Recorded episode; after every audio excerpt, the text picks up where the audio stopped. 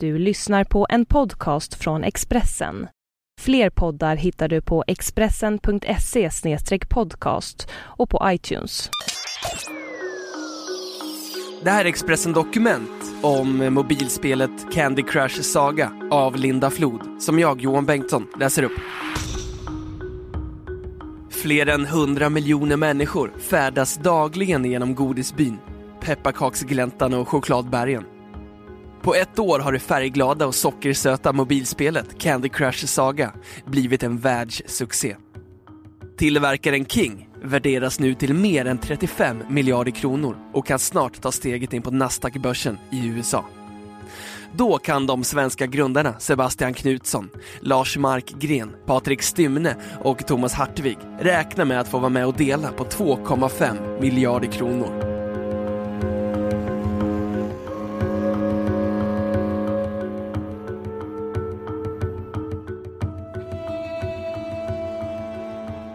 I tunnelbanevagnen sitter morgonpendlarna och blickar ner mot sina smarta telefoner. En färgglad skärm är i fokus medan pekfingret rör sig mellan gula, röda och blå godisbitar. Det gäller att få tre godisbitar i rad för att det ska rassla till i poängräkningen. Och för att ta sig vidare till nästa nivå i pusselspelet måste användaren klara av uppdrag med varierande svårighetsgrad. Är tålamodet kort finns även genvägen som stavas betalning. Användaren spenderar mellan 7 till 14 kronor för tjänster som extra drag, fler liv, godishammare eller färgbomber. Och det är den här betalningen som blivit spelföretaget Kings kassako. I år fyller svensk-grundade King 10 år och födelsedagsbarnet kan nog kosta på sig en rejäl tårta till sina anställda. King står just nu ohotad på topplistan över de mest populära spelen på Facebook och i mobilen. Samtidigt som spelen Farmville och Angry Birds tappar användare samlar Kings spel allt fler fans.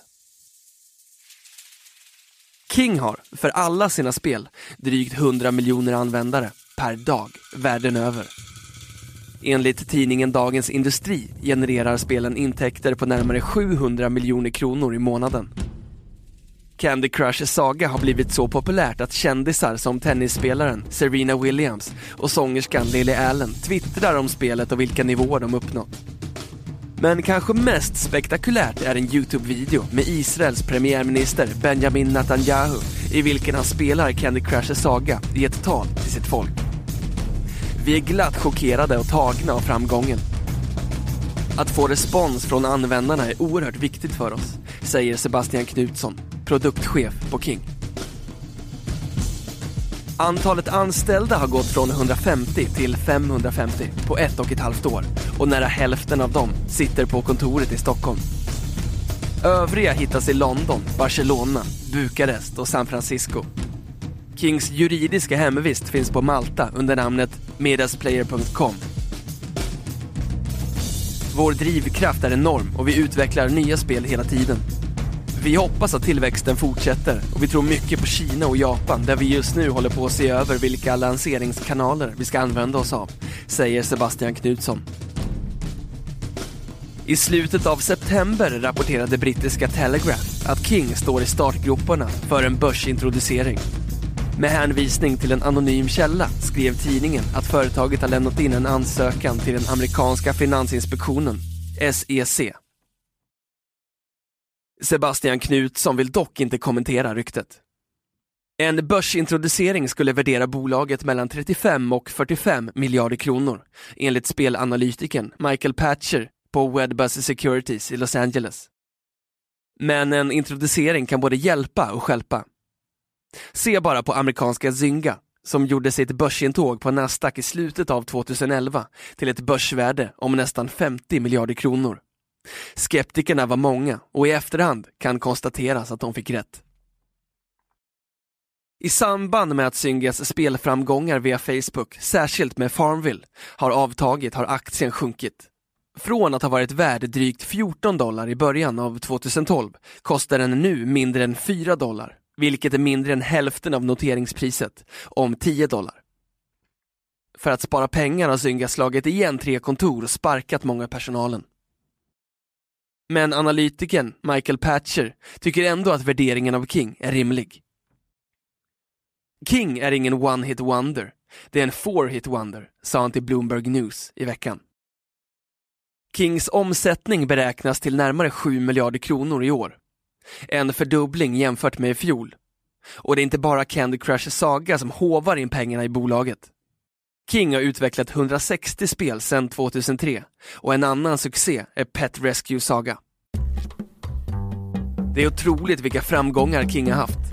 Candy Crush Saga kan vara världens största spel. Tidigare räknades Super Mario Bros som det, men frågan är om inte Candy Crush har gått om i popularitet, säger Per Strömbäck, talesperson för branschorganisationen Dataspelsbranschen.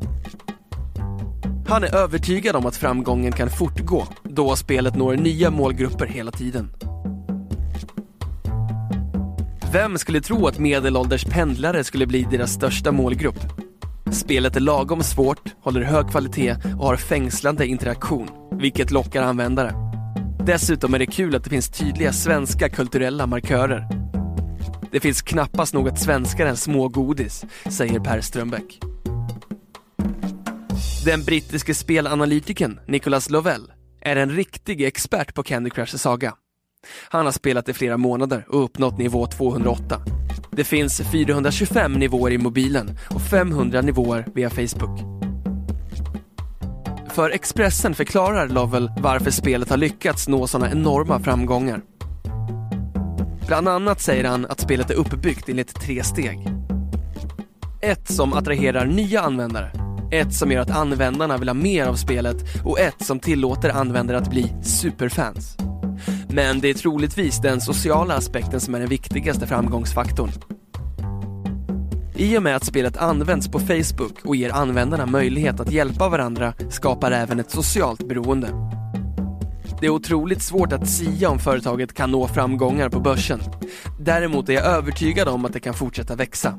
King har en stadigare grund att stå på än vad Zynga hade när de introducerades, säger Nicholas Lovell.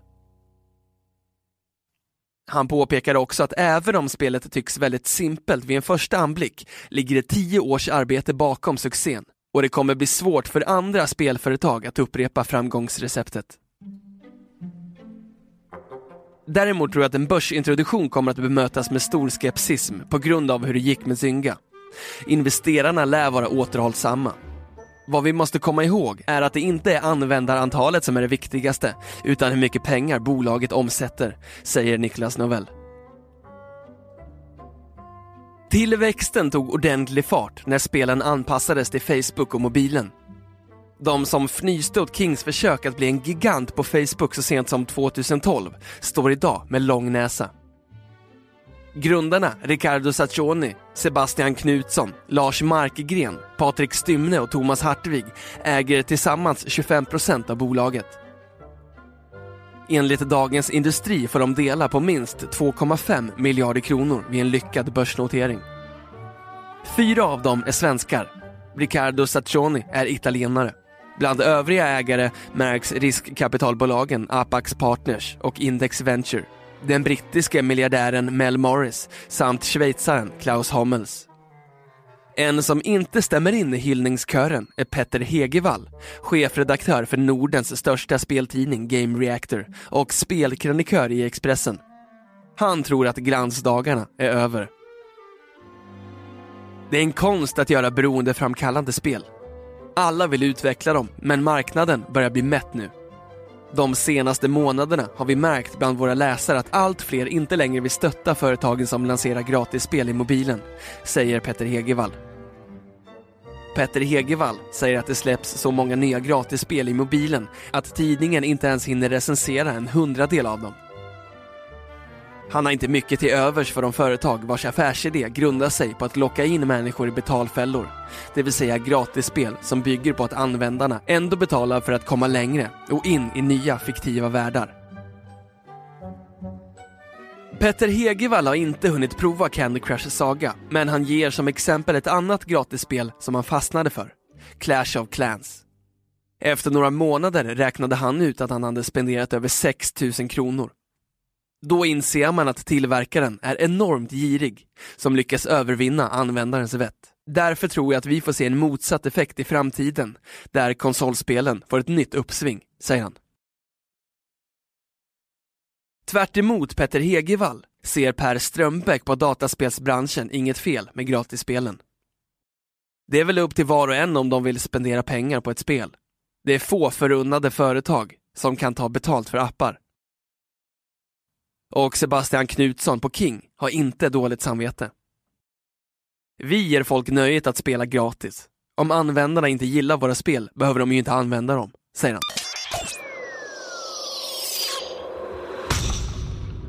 Du har lyssnat på en podcast från Expressen. Ansvarig utgivare är Thomas Mattsson. Fler poddar finns på Expressen.se och på iTunes.